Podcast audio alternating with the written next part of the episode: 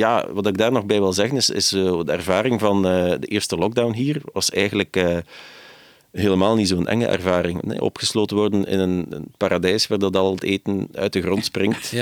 of met vijf in een appartement in Brussel. Dat was wel een gigantisch verschil. En ik heb toen ook heel veel meer nog de waarde daarvan beseft. Uh, Omdat inderdaad dat iets is dat steeds minder mensen ter beschikking hebben. En ik geef er ook heel veel opleidingen wildpluk. En de vraag die ik altijd krijg van waar moet je dan gaan plukken?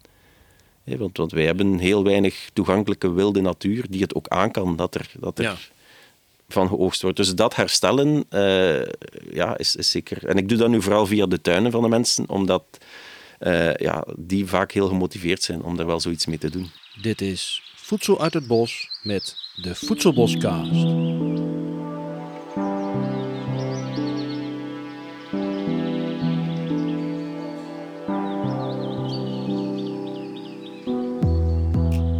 Ja, zijn we ja? zover? Bert, ben jij uh, Ik hoop dat jij het gaat het, gaat het? ja, even een vraag, ja, het is, laten ja. komen nu. Ik, ja. Uh, inderdaad. Uh... Ja. Ga maar, Marieke. Ja. Dit is het tweede seizoen van de Voedselboskast. Het jaar waarin we onderzoeken hoe voedselbossen een bijdrage leveren aan de samenleving van de toekomst. Wij zijn Frank Gorter en Marieke Karsen van Voedsel uit het Bos. En wij zijn nieuwsgierig naar de pioniers die hiermee bezig zijn. Gaan voedselbossen de samenleving en het landschap veranderen? Wij denken van wel. Hoe gaat dit gebeuren? Dat is het onderzoek van deze podcast. Zo, ja. Het is nu de tweede keer dat je het voorleest, want ik had een foutje gemaakt. Ik had net uh, niet op record gedrukt en we waren al flink op weg in het interview. Ja, dat is best ingewikkeld. Ja, dat is best wel moeilijk. Ja, maar goed, we doen net of dat niet zo is. We, we gaan gewoon lekker uh, weer vers beginnen. We ja. zijn in België. We zitten in België. We zitten in een heel mooi huisje gemaakt van leem, leem stro, populieren. Met een draak erin ja. en, uh, en flessen in de muur. Ja. En de leem komt van echt deze grond. Uh, We zijn helemaal heel mooi voedselbos. Ja. Waar het voorjaar echt uitknalt. Wat ook heel erg inspireert als woonplek. Ja. Uh, en ik denk dat dat, hè, als je het hebt over de toekomst, uh, daar wil ik eigenlijk alles over weten. Van ja, Bert. ja. ja, we zijn bij Bert de Hond. En die woont met zijn gezin in het voedselbos. In het voedselbos. Dus welke rol spelen voedselbossen in de toekomst? Ja. Nou, als woonplek hebben we hier een hele mooie inspiratie te pakken. En we zijn ontzettend benieuwd naar uh, hoe Bert zover gekomen is dat dit nu zo mooi en oud en dit is een oude plek al. Hoe, wanneer ben je hiermee begonnen? Ja, klopt. Um, het is eigenlijk de, het huis van mijn grootouders. Dus die hebben dat in 1937, klinkt heel lang geleden. Ja, is mijn het vader is toen geboren, ja. dus ja, uh, ja, Hier komen bouwen eigenlijk. En um, nu, ze waren nog maar van het dorp verder, dus dat, was, dat ging toen zo, heel, heel lokaal. Hebben hier altijd gewoond. Mijn ouders hebben daar ook bij ingewoond, uh, samen met vijf kinderen, met twee broers, twee zussen. Dus ik herinner het mij altijd als een, een, een plek op de berg. Het ligt ook op Nokerberg, zo een, een puist in de Vlaamse Ardennen.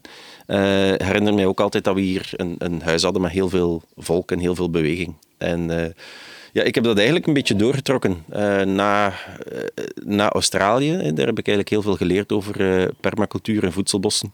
Um, was ik heel sterk overtuigd om zoiets ook hier te proberen. En natuurlijk was de grond al niet nieuw voor mij. Ik had hier eigenlijk heel veel gewerkt aan een, een natuurreservaatje.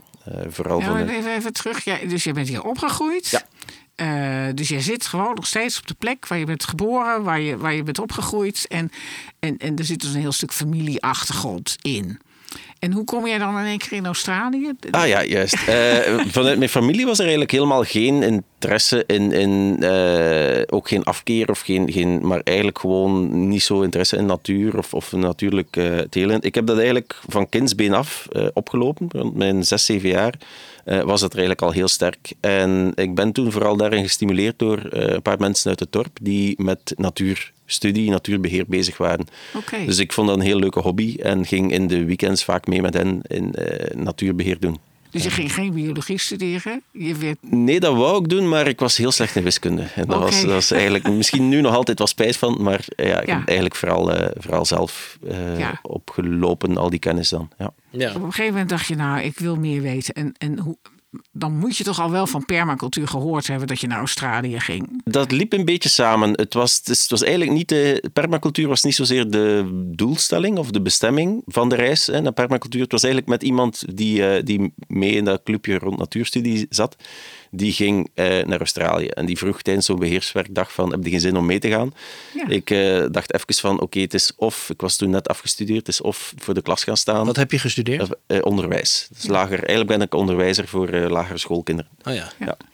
Dus het was eigenlijk ofwel voor de klas gaan staan, ofwel uh, ja, met de rugzak naar Australië. En ja. dat was toen eigenlijk vrij snel beslist. En eens ik daar aankwam, wij hadden toen eigenlijk net wel een vereniging, dat klopt wel, uh, waarbij dat we alles dat te lezen viel over permacultuur, bijna uitsluitend Engels. Ik denk dat het boek van Frans Jan de Waard toen net uit was. Ja. ja Tuinen van Overvloed. Ja. ja.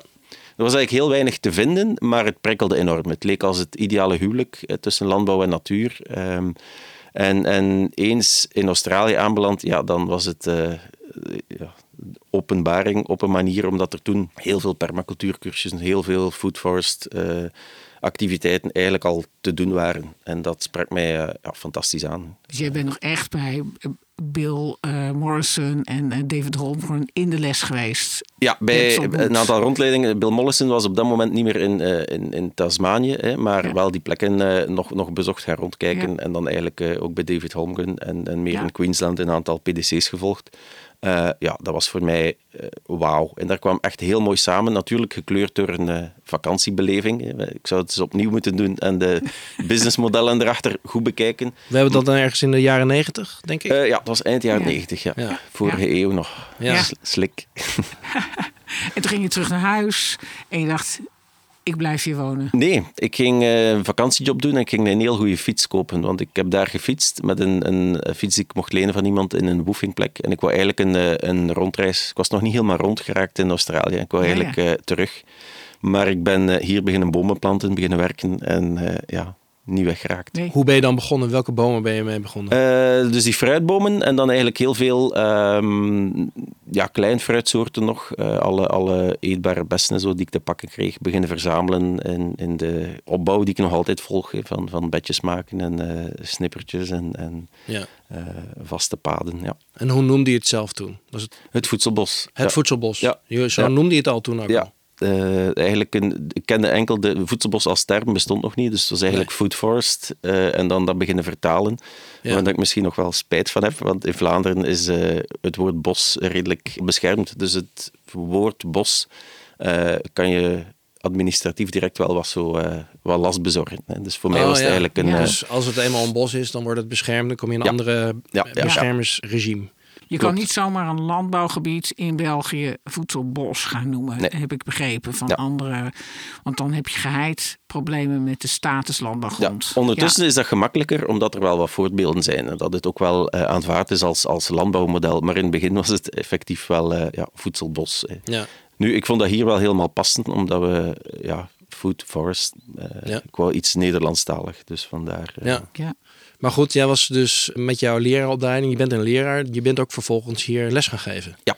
Ja. Heb jij eigenlijk ook nog les gegeven op een uh, school? Ja, af en toe wel. Om, om de, uh, dat doe je nu nog steeds? Uh, nee, nu geef ik geen les meer. Maar in het begin, op de overgangsfase van ja, je plant zo'n bos en dat is niet meteen dat je daar een verdienmodel, nee. Allee, of niet, niet direct daar genoeg opbrengst om daarvan te leven. Dus ik heb heel lang uh, halftijds uh, gewerkt, maar ik ben dan eigenlijk vrij snel van die baan uh, van leraar overgeschakeld naar begeleider op een biodynamische tuinderij. En ja, dat vond ik wel heel tof, omdat ik toen op een domein van 3, 4 hectare uh, voor 30 mensen eigenlijk dagelijks een maaltijd moest toveren uh, ja. uit een tuin. Dus daar heb ik heel veel geleerd van het klassieke, van het biodynamische moestuinieren. Uh, en ook wel varkens houden, kippen houden, eigenlijk heel zelfvoorzien. En dat was wel een heel mooie leerschool. Ja. Dat waren wel pittige weken, want dan kwam ik thuis en dan begon ik in het voedselbos nog al die andere dingen te kweken. Dus dat, dat ja, waren wel jaren dat ik veel meer buiten zat dan binnen. Ja. Nou ja. Lange dagen. Er zijn anderen die uh, daar nu heel erg jaloers op zijn. Want die zitten veel meer binnen ja. en achter schermen dan dat spuiten zijn. Ja. En uh, dat, dat is hè, uh, dat zelfvoorzienende, dat uh, zo'n zo'n tuin hebben waar je gewoon van kan leven. Dat is denk ik toch al steeds bij steeds meer mensen een, een echt een verlangen om zo te leven, neem ik aan. Want jij geeft nu heel veel cursussen aan mensen die dit van jou willen leren. Ja, ja, tot mijn verbazing zo'n beetje. Ik denk van ja, iedereen die al overtuigd is, is al geweest. Hè, maar je ziet dat echt wel verbreden. Je ziet dat Ja. echt wel veel meer mensen die, die ook wel eh, de nood en, en het plezier daarvan eh, inzien. In het begin was dat vooral, eh, of kreeg ik vaak het commentaar van ja, terug naar de, de, de jaren stilletjes. Hè, of of naar Bokrijk, het is hier dan zo'n historisch centrum.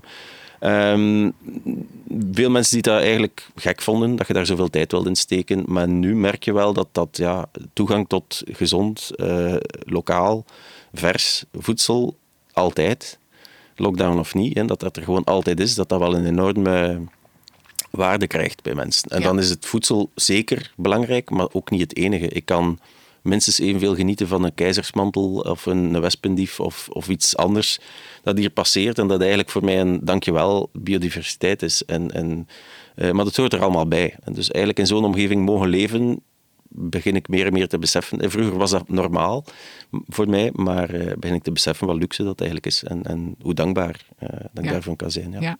En dat is ook wat die mensen komen zoeken, voor een deel. Komen er ook echt mensen die uit, uit die klassieke moestuinwereld komen, van spitten en eh dingen? Of zijn het vooral mensen die het nog helemaal moeten leren? Er zijn heel veel mensen die er enorm toe aangetrokken zijn, maar die eigenlijk met geen voorkennis komen. En Ja. dat is soms eh, gelukkig, hè, want dan moeten ze weinig ontleren. Ja. Eh, maar er zijn er ook die, die ja, eigenlijk niet zozeer vanuit het moestuinier, maar eerder vanuit job. Hè, die, die een, eh, een tuinderij hebben of eh, een boerderij en die dan eigenlijk gaan kijken van hoe kan ik dat toch verduurzamen richting meerjarigen, hoe kan ik de randen van mijn bedrijf, hoe kan ik daar ook iets uithalen, eh, omdat dat voedselbosmodel wel aantrekt. Hè, en en Ja. kijken van hoe kunnen we daar iets aan doen. Dus zo mensen coach ik vaak in, eh, op, op het bedrijf zelf. Ja. Ja, En merk je ook dat er mensen hierheen komen die echt willen leren om voedselbossen als alternatief op de huidige voedselproductie neer te zetten? Om, om ja, eigenlijk een, eh, in de landbouwtransitie een rol te gaan spelen. Ja, maar dat is niet de meerderheid. Er zijn wel mensen die mij dan zo contacteren om dat vanuit de landbouw eh, te doen, maar dat zijn vaak eh ja, zij-instromers, eh, zoals dat dan heet. Mensen die, die niet uit de landbouw zelf komen. Eh, en die zijn eigenlijk al sterk overtuigd. Ehm, dus die zijn er zeker. Wat ik heel veel heb ook, zijn eigenlijk twee, twee groepen mensen. Ofwel zijn het heel jonge mensen die dan aangetrokken zijn om... om weg van de stad en echt meer op platteland te gaan leven op een, een eenvoudiger, dichter bij de natuur manier. En kijken van hoe kan ik dat, hoe kan ik dat eigenlijk zo zelfvoorzienend mogelijk gaan maken. En dan een andere groep mensen die eh, vaak wel wat centen heeft en eh, einde carrière is en uitkijkt naar, ja, ik wil eigenlijk wel iets zinvol doen. Eh, vaak krijgen die toegang tot een stuk grond en, en die dan eigenlijk de kapotte maisakkers bij wijze van spreken terug gaan, gaan herstellen. Vooral naar natuurwaarde, vooral naar biodiversiteitsherstel, maar daar mag zeker ook iets eetbaars aan zijn. En die vinden wel in dat voedselbosmodel vinden die wel een, een antwoord. Maar dat zijn meestal wel de, de eerder romantische voedselbossen eh, Ja. waar die naartoe willen. Ja. Ja. ja, dus hier in België neemt het aantal mensen eh, explosief toe Ja. die hiermee bezig willen zijn. En het zijn ook dezelfde groepen als die wij in onze cursus krijgen. Dat is Ja. wel heel opvallend. Dat, je dat, en dat die middengroep als het ware ontbreekt. Die nu midden in de carrière zitten. Ja. En waar de kinderen al van op aan het groeien zijn. En dus die, die, die jonge groep, dat zijn ook mensen met of nog aan de kinderen moeten beginnen. Of net hele jonge kindjes hebben. Klopt, hè, want het, is, ervaring, ja, ja. het wordt wel ge- gezegd voor lui tuiniers, maar het is gewoon veel werk. En het is, Ja. eh, de meest lui tuinier, zeg ik hier veel, is iemand die geen moestuin heeft. En dat is, eh. Of die geen voedselbos heeft. Het, het is wel werk en het verschuiven is minder intens, maar het is nog altijd proportioneel een groot deel van je tijd ben je daarmee bezig. Ik, eh, ik doe En dat weinig is ook wat anders. je wilt, toch? Ja, Ja. dat is het gekke. Dat, ik vind dat altijd een beetje een onzinnige discussie. Je wil juist meer buiten zijn. Het is alleen niet zozeer de hele tijd wieden, wieden, wieden, wieden. En dat is het, het, het verschil. Als je het goed doet, hoef je niet zo heel veel meer te wieden op een gegeven moment. Nee, maar je Nee. moet wel nog altijd heel graag buiten zijn en buiten Ja. werken. En, en, Ja. ja. Ja. klopt. Ja, dus eh, jij geeft veel les en dat is jouw verdienmodel. Ja. Ondertussen onderhoudt dat ook weer jouw tuin. Want je krijgt hier dus heel veel mensen op bezoek. Hoeveel mensen leid je op per jaar? Eh, de, de basisreeksen, we hebben een aantal eh reeks voedselbosverdieping en dan permamoes. Dat zijn er een, een viertal per jaar. En dan geef ik er nog in, eh, in Orval, ook een heel mooi plekje, met een cursuscentrum. Dus dat zijn dat steeds groepen van een twintigtal mensen. Maar dan zijn er nog heel veel die passeren op, op rondleidingen en veel voordrachten her en der. Dus ik, vrees dat ik ze niet meer allemaal bij naam ken, maar het is wel heel tof om te zien dat er zoveel mensen ook nieuwe projecten starten. Sommige zie ik eerst een aantal keer terug voordat ze de stap durven maken. Anderen zijn uh, halverwege de cursus uh, beslissen om te stoppen met uh, job, kopen een stuk grond en vliegen er helemaal in. Eigenlijk heel tof om al die types mensen daar ook in terug te vinden. Ja. ja. Ja, België, kijk, ik, ik zeg altijd, wij, wij Nederlanders weten veel minder van België dan België van Nederland of Vlaanderen van Nederland. Maar het is hier eigenlijk gewoon precies hetzelfde. Dit, dit zien wij ook. En ook die, die, die, die moeilijkheid om grond te kunnen kopen, om ehm, ja, ook daadwerkelijk die levensstijl uh, te gaan uh, kiezen. Dat is allemaal precies hetzelfde als in Nederland. Wat heb jij nou als je nou naar Nederland kijkt? Hè? Want ik denk dat in Nederland de vlucht nog iets groter is. Uh, daar hebben we ook zo'n stichting voedselbosbouw en een Green Deal voedselbossen. Er wordt er al uh, ook allerlei uh, op de deur van de politiek uh, geklopt. Zie je dat in België ook? Of? Recenter wel, ja. ja. Sinds een aantal jaar zijn er ook wel heel wat mensen aan, aan die weg gaan timmeren. En dat gebeurt wel. Maar ik denk ook dat in Nederland ja, het, het intensieve van de landbouw nog een stuk verder is doorgeschoten dan in Vlaanderen. dat kan ook. Dus dat het ook uh, nodiger is en heel fijn. Ik vind het altijd heel spannend van wat gaat er inderdaad gebeuren hè, met die transitie van... Want dan is er wel plots heel veel ruimte beschikbaar. In Vlaanderen is het allemaal wat voorzichtiger, zit het allemaal meer verweven en vermengd dat het uh, een beetje moeilijker maakt omdat je niet zozeer een beweging hebt. Dus je bedoelt, je... je... hebt niet een stichting voedselbosbouw? Uh, nee, maar je hebt wel Food Forest Institute en zo, een, een aantal initiatieven. Maar, ja, ja, maar het, het groeperen vanuit eh, één stem, vanuit verschillende voedselbosverenigingen, of voedselbossen echt, dat is er minder. Uh, ja, iedereen, allez, mijn ervaring is ook dat iedereen die met zo'n project bezig is, nogal snel overrompeld wordt door het werk en op zijn eilandje bezig is. Dus het, het, is heel tof. Het is ook een ander type mensen die aan de deur klopt van politiek, hè, die, die daar werkt. Er is ook wel best wat onderzoek uh, ondertussen vanuit ILVO en zo rond uh, ja. impact en mogelijkheden van voedselbossen. Dus het, het sluipt onhoudbaar de landbouw binnen, maar dat is nog niet... Twintig jaar geleden dacht ik van, oh, en over twintig jaar moeten we een museum oprichten voor de monocultuur van de maïs. Maar dat zal misschien nog even iets langer duren. Ja, iets langer. Ja, ja maar, en dan, dan maak ik even het bruggetje naar het Franstalige deel van België. Daar hebben wij als Nederlander helemaal geen zicht op. Gaat dat net zo hard? Spelen daar de problemen net zo? Of is het toch een heel verschil? Eh, er zit zeker een verschil op. Het, uh, hetzelfde is wel dat wij evenveel weten van Wallonië als jullie van Vlaanderen hoe bizar ook. Hè. Dus er is heel weinig uitwisseling. Het begint, er komen wel wat groepen. Uh, taal is daar zeker een, een element. Maar uh, in Wallonië heb je heel veel mensen die het ook gewoon aan het doen zijn. En minder, er is nog ruimte, er is nog plaats en er is zo, uh, je hebt natuurlijk iets meer ruimte om daar in het zelfvoorzienende verhaal te, te komen. Um, dus dat is, is zeker wel boeiend om, om dat te zien gebeuren. Ja. die komen niet bij jou op cursus? Een, een, aantal wel, maar dan vaak in een groep Franstaligen. Omdat uh, het toch wel een... Het is in het Nederlands en dan is dat soms wel, uh, wel lastig. Dus dan is er iemand die tolkt? Ja. ja. Ja. Ik vind het zo grappig. In één land zo'n ja, taalmuur als het ware.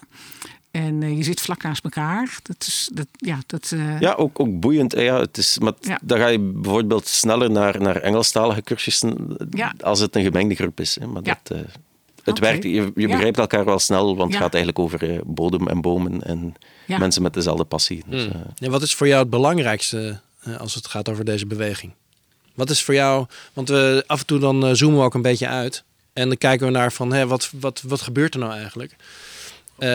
Er zitten natuurlijk een heleboel elementen zitten erin. Er zit een sociale component in, een ecologische component, een politiek component. Het is heel persoonlijk, maar wat ik het leukste vind, en ik ook wel mijn, mijn drive om dit allemaal te doen, is dat ik merk dat mensen meer verbinding krijgen. Meer verbinding met zichzelf, met de grond waar dat ze wonen en ook met, met een lokale gemeenschap. En ik heb dat nog net kunnen meemaken hier in het dorpje, van hoe dat je ja, met z'n allen ging helpen, eh, het stro binnenhalen, de oogst binnenhalen. Dat is volledig weg.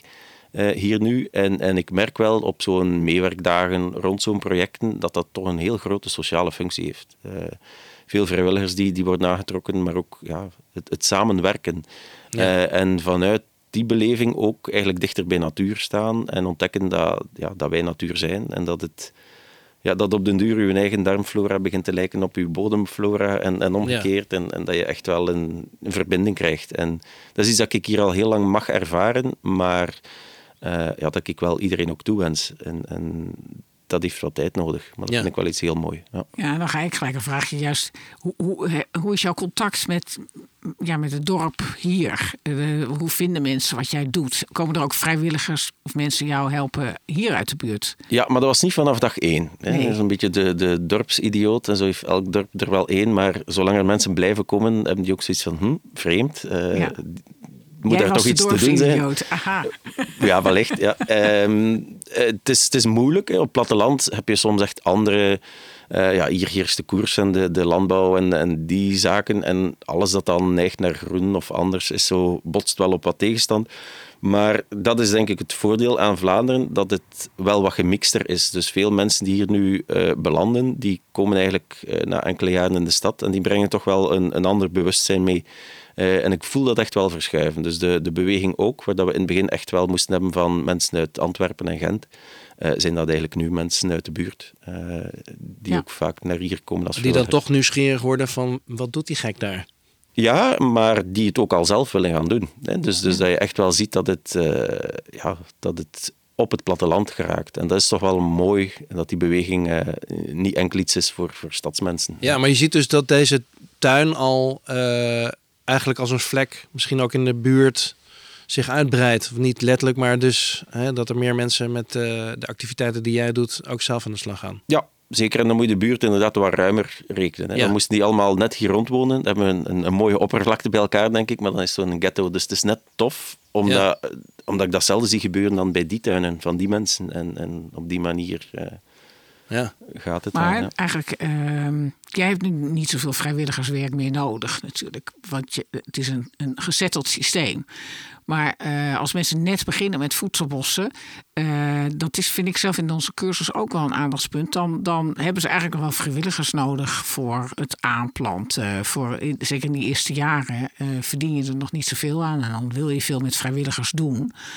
Ehm, ja, en, vroeger waren, hoefde je maar op een knopje te drukken en de vrijwilligers uh, dansten naar je toe. Uh, zie jij dat, dat knopje heb ik wel nooit gevonden. nou, in Nederland was dat eigenlijk ja. wel zo. Hè? Wouter hoefde, Van Eck hoefde het nee. maar te zeggen. En ze hadden en Stichting Voedselbosbouw ook. Maar toch merk ik nu dat dat wel een soort einde bereikt.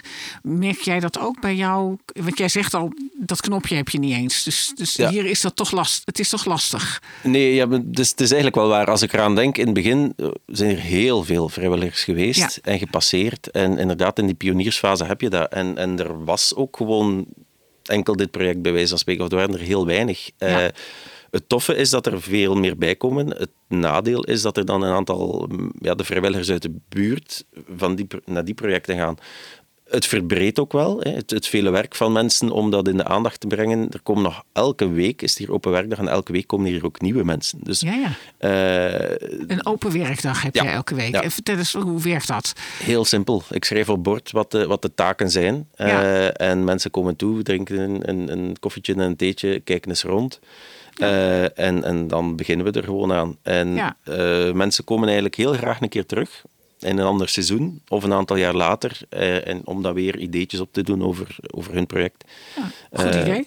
Ja. Ja. ja, eigenlijk werkt dat goed. En dat is ook de enige dag waarop, waarop dat we in de tuin werken, dat dat systeem eigenlijk zich ja, op die manier in stand houdt. Hè. in de zomer, zo vanaf nu, is dat wat te weinig. In de winter is dat eigenlijk genoeg. Voldoende. Ja. Ja, dus jij werkt niet heel veel in jouw bos, moestuin. Ja, het is een soort combinatie van een ja. plek waar ook af en toe eenjarige groeien. In een, in een plekje wat nog even open is gebleven. En dan zijn er ook alle plekken waar het echt bijna bosachtig is. En dan zit er ook een soort ja, mid-successiefase in jouw tuin. Ja, we hebben hier eigenlijk die overgangen en ook wel bewust. En dat is op dat vlak anders dan een extensiever voedselbos, uh, ja. waarbij dat je op die kruidlaag bij lange na niet zoveel uh, intensiteit kan gaan leggen.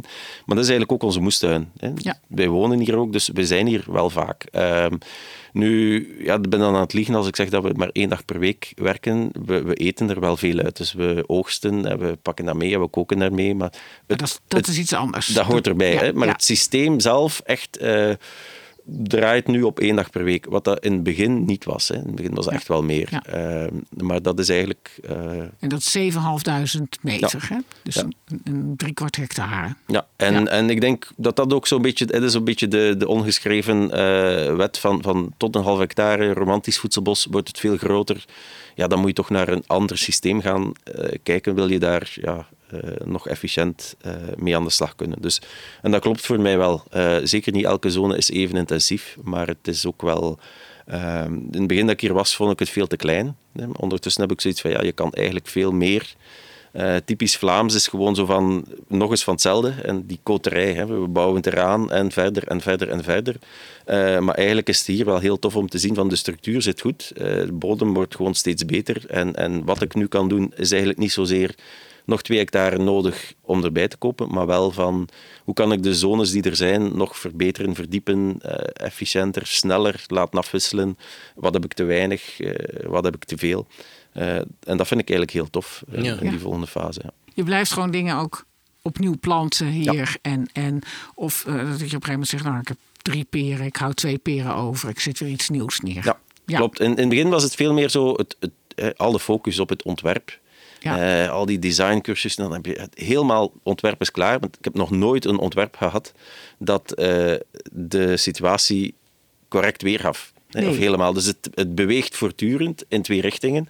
En het is zeker belangrijk, dat ontwerp, voor oriëntatie. We zitten hier al op een helling, zuidhelling, windbeschutting. Al die zaken, ja, dat, dat verandert niet. Of weinig. Hè. Eh, Dat is echt wel, wel de basis. Maar de successie is eigenlijk op, op het totaal van die drie kwart hectare eh, steeds aanwezig. Dus in het begin was het eigenlijk, eh, hou je dat bed in die fase, hou je dat bed eh, met bijna naakte grond, hou je eigenlijk eh, die successie in stand om, om ja, dat je geleerd hebt dat dat eigenlijk moet. Hè. Maar dat zijn bijna altijd dezelfde plekken. Dan ben je wel volop aan het tuinieren. Ehm, ik heb gemerkt dat door gewoon er, er eigenlijk af en toe, komen nu in de fase, er moet licht bij komen. Dus een aantal van die grote populieren moesten gekapt worden. Eh, en zo krijg je eigenlijk een influx van veel meer licht, maar net op een andere plek Dan in je basisontwerp. En het toffe is dat dat ook dwingt om, om heel creatief om te gaan. Educatieve plek vraagt ook dat we elk jaar nieuwe bedden aanleggen. Dus er zit nog altijd heel veel beweging. Eh, je zou kunnen zeggen, dat systeem staat nog niet op punt. Ik denk net dat het door die beweging eh, is dat je een heel grote biodiversiteit krijgt. Omdat je elke fase wel op een bepaald punt hebt. Dus sommige moestuinbedden laat ik eigenlijk eh, bewust wat verwilderen een aantal jaar, om dan als ik ze weer nodig heb terug te nemen. Maar intussen is die bodem wel fantastisch opgebouwd. En heb ik als mooie surplus heel veel plantgoed als ik die weer, eh, weer vrijmaak. Ja. Dus dat heb ik moeten leren. Het, het minder zoals dat op het plan staat, maar echt hoe, hoe de natuur eh, toont. Zou je kunnen zeggen dat jouw eh, kennis die je hebt opgedaan uiteindelijk leidt tot dat je ja, een, een manier hebt gevonden dat veel meer intuïtief is?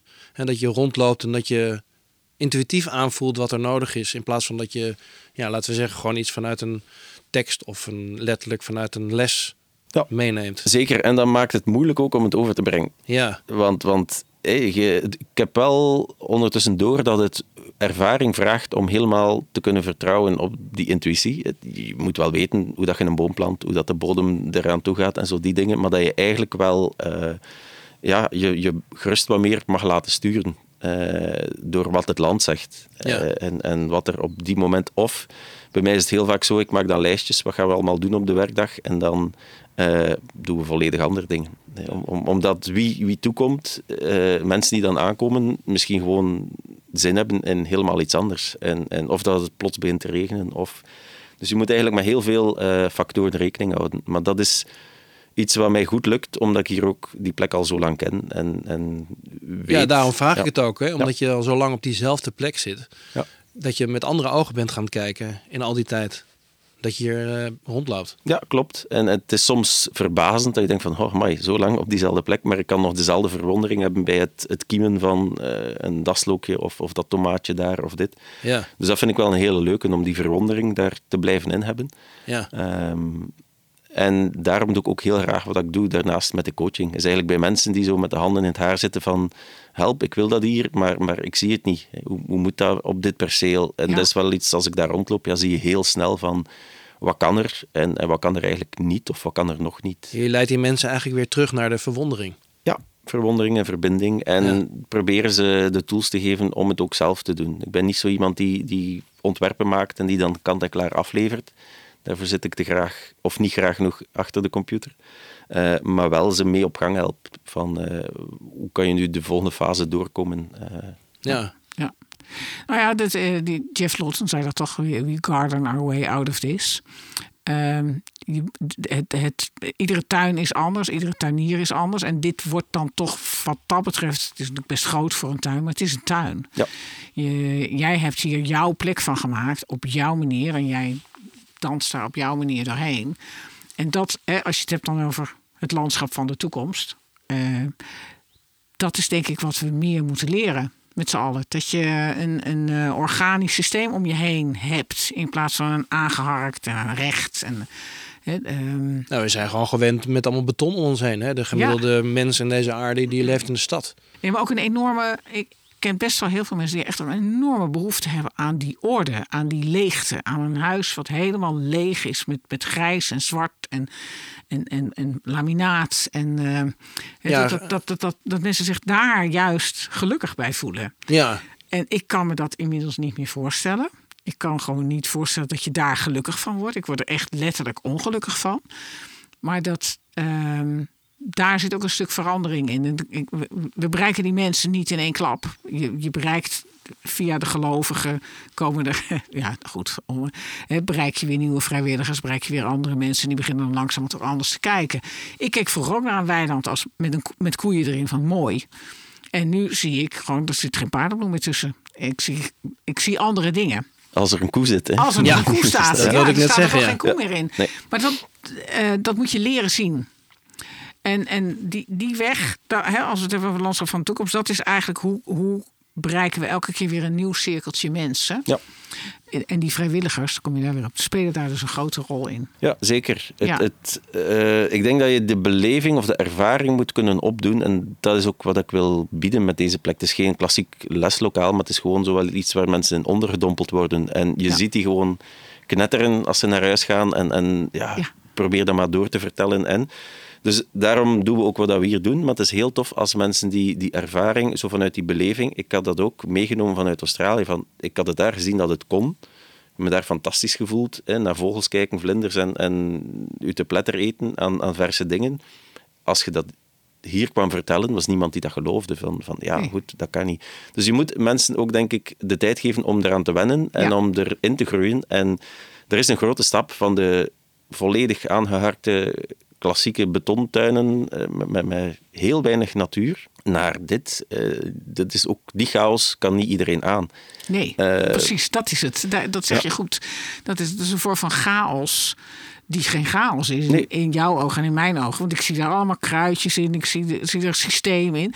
Maar voor mensen, andere mensen is het Ja. chaos. En je Ja. moet het leren zien, dat is wel fantastisch mooi. Er is al een voorselectie, want mensen gaan geen jaartraject volgen als ze daar niet, niet voor openstaan. En toch zie je les 1 en les 10, wauw. Ja. Er, er gaat echt een, een knopje om van... Ja. eh, mensen beginnen patronen te zien, beginnen inderdaad de, de, een weg te vinden in die chaos. En dat vind ik een, een heel mooi Ja. compliment, want dan beginnen ze gewoon eh, onhoudbaar elk stukje groen eh, Ja. aan te pakken. Ja. Ja, nou ja, en eh, in mijn ogen is dit ook gewoon echt onderdeel van die transitie waar we in zitten. In dat je weer heel mag zijn. In die zin dat we hebben onze samenleving zo gemaakt dat alles gecontroleerd en versimpeld is. Dus om het te kunnen controleren. En dat is heel erg vanuit het hoofd. Eh, maar die ervaring waar jij het over hebt, hè, die beleving, is ook onderdeel van ons mens zijn. En onderdeel zijn van mens in een landschap. Dus in die zin is, dus, is die hele voedselbosbeweging eigenlijk veel meer dan alleen maar het aanplanten van bomen en van struiken. Het is ook een nieuwe manier van verbinden met elkaar en met, eh, met dat landschap. Ja, zeker. En, en ik, ik vind dat nog een mooie uitdaging. Ik vind dat bijvoorbeeld een groot verschil al tussen Vlaanderen en, en Wallonië, waar dat je toch wel heel wat meer ruimte hebt en dat die natuur ook veel meer ruimte eh, heeft gekregen nog. Hè? Dat, je, dat je in een landschap kan bewegen. Eh, wat dat we hier in Vlaanderen hebben, is elke vierkante meter is wel van iemand en is wel ergens gecontroleerd. En, en, en dat is zo nog een, een zoektocht van hoe kan je die landschappen echt gaan openstellen. Ja. Eh, ik heb al een aantal projecten gedaan rond, rond stadsbossen die dan richting voedselbos gaan, maar altijd weer zo, wie gaat het onderhouden en wie gaat het oogsten? En dat zijn zo Ja. angsten die dan bovenkomen, maar die dan eigenlijk helemaal niet terecht. Of, of wel, wel opgelost worden onderweg. En zo die... Zelfs al niet. Ja, Ja. voilà. Ja. Maar, het- maar het is gek, Ja. want ergens hebben we zoiets van oei. Ja. eh, Ja. En, en ja, wat ik daar nog bij wil zeggen is, is eh, de ervaring van eh, de eerste lockdown hier was eigenlijk eh, helemaal niet zo'n enge ervaring. Nee, opgesloten worden in een, een paradijs waar dat al het eten uit de grond springt. Ja. eh, of met vijf in een appartement in Brussel. Dat was wel een gigantisch verschil. En ik heb toen ook heel veel meer nog de waarde daarvan beseft. Eh, Ja. Omdat inderdaad dat iets is dat steeds minder mensen ter beschikking hebben. En ik geef er ook heel veel opleidingen wildpluk. En de vraag die ik altijd krijg van waar moet je dan gaan plukken? Want, want wij hebben heel weinig toegankelijke wilde natuur die het ook aan kan dat er, dat er Ja. van geoogst wordt. Dus dat herstellen eh, ja, is, is zeker... En ik doe dat nu vooral via de tuinen van de mensen, omdat eh, ja, die vaak heel gemotiveerd zijn om daar wel zoiets mee te doen. Maar Ja. helemaal mooi wordt als dat helemaal in het landschap eh Ja. komt. Ja. Nou, dat is een mooie toekomstvisie, Ja. vind ik. Dat zit er, ja, want zo, zo wil je het. Dat we weer in parkachtige omgevingen gaan wonen met z'n allen. En zelfs al, ja, natuurlijk, de bevolking gaat op een gegeven moment weer naar beneden. Hè, Als die vergrijzing zijn top bereikt, geloof ik, in 2040, dan krijg je natuurlijk gewoon minder mensen hier. Mhm. Dat kun je bijna niet voorstellen. Het worden nu alsmaar meer. Dat komt natuurlijk ook voor deel door de immigratie. Maar ook omdat mensen steeds ouder worden. En op een gegeven moment krijg je hier toch ook een afnemende bevolking. Dat gebeurt in Japan ook. Dat gebeurt in Italië al. Dat gebeurt in Frankrijk al. Ehm, dan zouden we dus ook wat meer richting wonen in een, in een park. Als Ja. dat, dat zou ik het allermooiste vinden. Als Ja. we dat eh, voor elkaar krijgen. Dat we overal groen om ons heen hebben. Alle mensen. Ja, want hoe zie je, hoe, heb jij, heb jij een, een beeld van onze toekomst? En hoe die eruit ziet in de, ja, laten we zeggen, in de meest ideale toekomst. En in de toekomst Ja. als we niks doen. Wat, hoe, zou, hoe zouden die twee verschillen? Ik denk dat dat ideaal is als we niks doen. Dat, Ah, ja. dat, dat, dat we dan het mooie, goed. het mooie voorbeeld eigenlijk al kennen. Eh, van, van als natuur is fantastisch, zodat hij alles geregeld heeft en het, het Ja. Overvloedig voor elkaar krijgt. Eh, wat ik een spannende vind, is van hoe dat we dat eigenlijk aan een eh, eh, vrijwillig aan, aan een groep, allee, of aan een, een samenleving, maatschappij kunnen opdringen. Dat klinkt al heel raar, hè? vrijwillig Ja, Hoe je opdringen. mensen zover krijgt dat ze dat gaan begrijpen. Dat ze dat Ja. gaan kiezen. En, en wat ik heel mooi vind, is ik doe dit omdat ik het graag doe en omdat ik, ik zou eigenlijk niks anders doen, maar ik kan me niet voorstellen dat je dit met evenveel enthousiasme en plezier doet als je ertoe gedwongen wordt. En ik hoop gewoon dat heel veel mensen ervaren en zien van dat het Ja. niet iets is van ai, hard werk en het moet, maar dat het eigenlijk ja, dat je ziet hoeveel voordelen het oplevert en hoe leuk dat is. En, en dat eigenlijk En hoe gezond. en hoe gezond. En voor mij is dat woordje samen. Hè, want dat mis ik. Ik denk dat dat voor mij wel de grootste is dat ik mis ten opzichte van een stad. eh, De, de, het sociale. Eh, en dan Ja. ken ik de mensen hier al, al heel lang. En, maar zo het, het levendige plattelandsleven als vroeger, en dat je elkaar ook nodig had en ondersteunde, dat is er hier toch wel uit. En dat is ook wel heel graag zien terugkomen. Maar, Ja. Ja. ehm, Met de import, zoals dat dan in Nederland heet. Hè. Dan, eh, ik, ben ook een import in een dorp geweest eh, jarenlang. En, eerst was ik nog in een minderheid. En toen ik vertrok in dat dorp, eh, ja, was er meer import dan Ja. lokaal. Maar bij ons in de straat hebben we dat wel een aantal vaste gewoontes gelijk aan al die import eh, opgedrongen. Zodat we ja, toch op zijn minst één keer per jaar een eh, buurtfeest hebben. Als iemand 50 jaar getrouwd is of, of jarig. Of nou ja, al dat soort jubilea, die worden ook met de straat gevierd. En dat is ontzettend leuk. Dat is gewoon heel goed als zo'n straat zo'n soort Zeker, dwang ja. daarop heeft Ja. zitten. Want dan ontmoet je elkaar toch nog net genoeg om te weten eh, wie eenzaam is. Wie, je moet een beetje voor elkaar zorgen ook. Daar, daar ben ik echt van. Ja, eh, klopt. en, en nu ik in Frankrijk word, doe ik dat ook gelijk weer. eh, buurt maken. Ja. Het is heel belangrijk dat je je, buurt, je buren leert kennen. Ja, dat zie ik ook wel bij, bij een aantal projecten in eh, voedselbos gerelateerd. Je bent dan eigenlijk met een groep al, al eh, redelijk, of, of een groep mensen die daar heel sterk mee bezig is. Ja. Op een eilandje, niet altijd vandaar. En, en die integratie naar de buurt is gewoon Heel wel een heel belangrijk. belangrijke. En Ja. ook om, gaan we in de toekomst nog veel meer nodig hebben, denk ik, om gewoon voor elkaar te zorgen. En niet, Ja. niet ervan uit te gaan dat de overheid het wel zal regelen. Het is eigenlijk veel meer eh, van onderuit dat je kan voor elkaar gaan zorgen. Ja, en ook ja. dat we dat besef hebben dat we niet als mensen alleen op deze planeet wonen, maar dat we gewoon ruimte moeten scheppen voor al dat andere leven. Wat er ook moet zijn, willen we een eh, gezond ecosysteem hebben. gebruik ik toch het woord ecosysteem. Ik hoor het zo vaak, dat woord ecosysteem nu ook met business en weet ik veel wat. Maar nou, dat, dat ontdek ik dus in de Dordogne. Dat je, daar is nog wel veel meer ruimte en landschap. Dat je als mens een kleinere rol hebt. Je hoort s'nachts ja. allerlei dieren. En, en uh, uh, je weet ook dat het ook allemaal is. Want je ziet ook allemaal sporen. Je leeft te midden van een heleboel andere wezens. Ja. En ik vind dat heerlijk. Ja, ja ik ook. Ik ervaar dat hier ook wel heel prettig. Hè. Het is een, een, een, wisselwerking waarbij dat je toch wel net door het te kennen heel respectvol gaat omgaan. Zo van, ja, die pinksterbloemen die zal ik nu niet plukken, want die zijn voor het oranje tipje dit jaar. Dus ja. dat zijn zo kleine dingen waar dat je wel heel veel plezier kan, kan aan ervaren. Uh, ik vind het wel spannend van, ja, met de hoeveelheid mensen die we zijn en sommige uh, rond de steden bevolkingsdichtheid, van hoe, hoe creëer je dat dan? Anderzijds uh, kwam het vanuit Nederland, hè, ik denk al een jaar of tien terug, van wat gaan we doen met al de grond die vrijkomt na de, de afbouw van de veestapel? Dat vind ik een ja. heel mooie vraag die ze alleen in Nederland luidop durven stellen. Hè. Als je dat hier doet, worden, worden nog gelyncht. Maar oh, echt? Het is Oh, wel... In Nederland word je ook gedienst, maar... Ja. In Nederland, ja, in Nederland zijn de belangen ook te groot om daar ja. in één keer een grote stap in te maken. Nou, dit Maar hebben we al gezien. wel. Zeker, Met maar het, het debat wordt wel gevoerd. En daarom vind Ja. ik het wel heel interessant. Van, wij volgen dat dan wel een beetje, maar, maar het, ja, het is minstens zo eh, nodig hier. Maar ik vind dat een heel, qua toekomstperspectief, een heel boeiend iets. Want Ja. er is geen ruimte, maar er is gigantisch veel Ja, ruimte. er is heel Ja. veel ruimte. Maar die wordt Ja. gewoon nu niet goed gebruikt. Nee, En- en die is ook heel duur. ja. Dus dat, dat maakt het ook weer moeilijk. Ja, ja, en dat, dat punt inderdaad. eh, fantastisch, die landschappen. Maar je kan eigenlijk niet verwachten vanuit particulieren dat die die grond opkopen om dan een heel Nee. extensief model erop te, neer te zetten. Want dat, ja, dat werkt gewoon niet. Nee. Dus, dus er moet inderdaad een eh, Ja, er moet iets samenkomen. Ja. ja, tot grond komen. Nou, we zitten alweer tegen de drie kwartier aan. Ja. Dus eh, ik heb nog wel een leuke vraag. Heb jij nog een leuke vraag? Ga jij hem eerst stellen? Want Ja. ik, er borrelt wel wat nog. Ja, precies. Er borrelt nog iets. Ja.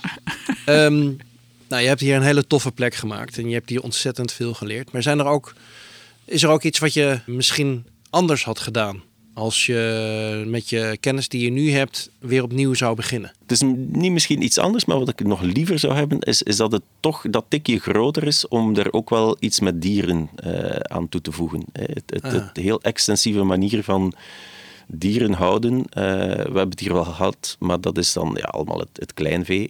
Het, dat spreekt mij wel heel erg aan. Maar eh, ja, verwacht ik nog even op, eh, op de buur om dat eventueel mogelijk te maken. Eh, en wat ik anders zou doen. ehm, ik weet het niet. Voor mij was het eigenlijk een heel fijne manier van, van rustig aan organisch groeien. Het voordeel was toen dat er ook nog veel, dat er nog niet zoveel andere projecten waren. Dus als pionier heeft dat u een enorm voordeel van je mocht op je gemak, je mocht nog wat prutsen, mocht veel meer fouten maken. Nu word je, ja, wordt dat wat sneller vooruitgeduwd zo. Ehm, ja, ik, ik denk toch nog net iets meer inzetten in, in, het, eh, in de vereniging, de verankering in de buurt zelf. Eh, dat is iets, iets wat ik misschien van op een vroeger stadium zou proberen om, eh, om niet te lang op het eilandje te blijven. Maar voor de rest denk ik eh, dat ik me heel gelukkig mag prijzen met de manier waarop dat liep en loopt. En, eh, Ja. en dat het ook traag genoeg evolueert. Om, om, eh, ik zie soms projecten die heel snel hè, en, en groter en dit en dat, maar daarmee eigenlijk in dezelfde val van, van rat race getrokken worden. Terwijl dat je eigenlijk ziet van, ik heb maar zoveel nodig en de rest mag natuur zijn. En, en dat dat ook iets dynamisch is. Ja. Merk je ook dat je rustiger bent geworden naarmate je daar hier langer mee bezig bent? Ja. Zelf, dat die rust er meer in komt? Ja, en misschien zijn dat de fysieke kwaaltjes die je helpen. Eh, in het begin vliegde daar gewoon in. En dat hoort ook bij die pioniersfase en is ook heel tof. Eh, en, en inderdaad kom je zelf ook wel, eh, groei je mee met dat voedselbos en kom je ook in een... eh, inderdaad, als je je appels niet geoogst krijgt, dan is het compost. Eh, en, en dat is geen drama. En in het begin is dat toch moeilijker. Hè? Of Ja. ga, je, ga je met de lamp nog naar buiten om van alles te gaan doen. Nu kan ik al meer zeggen van, oké, dat is morgen of volgend jaar. Of, eh, Ja. Ja. Ja. Ja, mooi. Ja, nou ook niet echt een vraag, maar het is meer zo van als jij zegt van nou eh, richting anderen, hè, van, ehm, wie, wie zijn voor jou nu ook nog jouw helden? Waar kijk jij echt naar dat je zegt, nou daar, eh, daar leer ik nog heel veel van? Of ben je langzamerhand, heb je ze allemaal gehad en heb je het geïntegreerd in je gehele geheel? Uh, ja, ik heb heel veel helden, denk ik. Gewoon mensen die, die eh, dat hoeven niet de grote namen te zijn, maar Nee. mensen die eigenlijk op, op hun plekje, op hun manier voor hun passie gaan en dat Ja. neerzetten en er ook in slagen om, om bruggen te bouwen of, of gewoon ook dingen op te bouwen waar dat je daarvoor chaos ziet. En, en, ja, moet ik zeggen. en ik denk dat ik dat nog, nog meer heb, mensen die dat durven en kunnen in een eh, niet-ideale, niet beschermde context. Want Ja. vanuit Nederland, vanuit, vanuit België is dat vaak allemaal is het eigenlijk een luxe probleem. En, en eh, als ik zo projecten zie die ze doen rond eh, vluchtelingenkampen en van alles en nog wat, dat vind ik fantastisch dat mensen daar een heel groot stuk van hun eigen leven durven Ja. en kunnen opzij zetten om dan echt aan de slag te gaan met die verbinding in soms super uitzichtloze situaties. En dan, dan Ja. is het wel makkelijk vanuit mijn luie zetel nog even eh, van zevenblad plukken. Hè. Dus dat, Nee, ik vind het heel goed dat je dat Eh, zegt. Want dat, dat, eh, er zijn projecten rondom vluchtelingenkampen of bij de laatste Agroforestry Conference eh, projecten in Ecuador of Uruguay. Of in- ja, oh ja, shoot, Amazone. Ja. Wij, wij zijn al leuk bezig, maar in de Amazone zit, zijn de problemen pas echt groot. Ja, Ja. En, of, of allee, op plaatsen waar het, eh, waar het een verschil is van, tussen leven en dood vaak. Hè, dat je het echt naar, Ja. naar voedsel, eh, dat dat zo acuut is. Ja, dat vind ik fantastisch, mensen die, eh, die dat kunnen. En zo zijn er gigantisch veel. Die zijn misschien allemaal niet zo zichtbaar, maar dat vind ik eigenlijk eh, wauw. En, en, maar ook gewoon veel kleiner. Mensen die het in een moestuintje of volkstuincomplex aandurven om eh, tegen de stroom van sproeien in te gaan. En, Ja. en, en, en zo zie ik heel veel mensen die er enthousiast van worden en, en eh, nog openstaan voor verwondering en dat ook zelf weer doorgeven. Dat zijn eigenlijk eh, Ja. Ja. mijn grote helden, denk ik. Nou, Ja. perfect. Ja. Dankjewel. Mooi Ja. gezegd. Heel mooi gezegd. Ja. Ja. verwondering, dat haal ik je uit dit Ja, gesprek. dat is de toekomst. Dat is de toekomst. Ja. Dankjewel, Bert. Dankjewel. Jullie ook. Ja. En eh, nou, nog een hele mooie dag vandaag. Ik hoop toch echt dat je op de recordknop hebt gedrukt Ik deze heb, keer. ik heb, ik heb, we zijn al op 48, bijna 48 minuten. Dus het is gelukt. Oké, heel fijn. De Voedselboscast is een concept van Marieke Karsen en Frank Gorter. Techniek, editing en de muziek is gedaan door Frank Gorter. Verder danken wij de rest van de organisatie van Voedsel uit het Bos, Anje Poortman en Joep van der Wal. Mochten er luisteraars zijn die deze podcast willen ondersteunen, dan wordt het erg op prijs gesteld, want we zoeken nog sponsors. Stuur een mailtje naar info@voedseluithetbos.nl.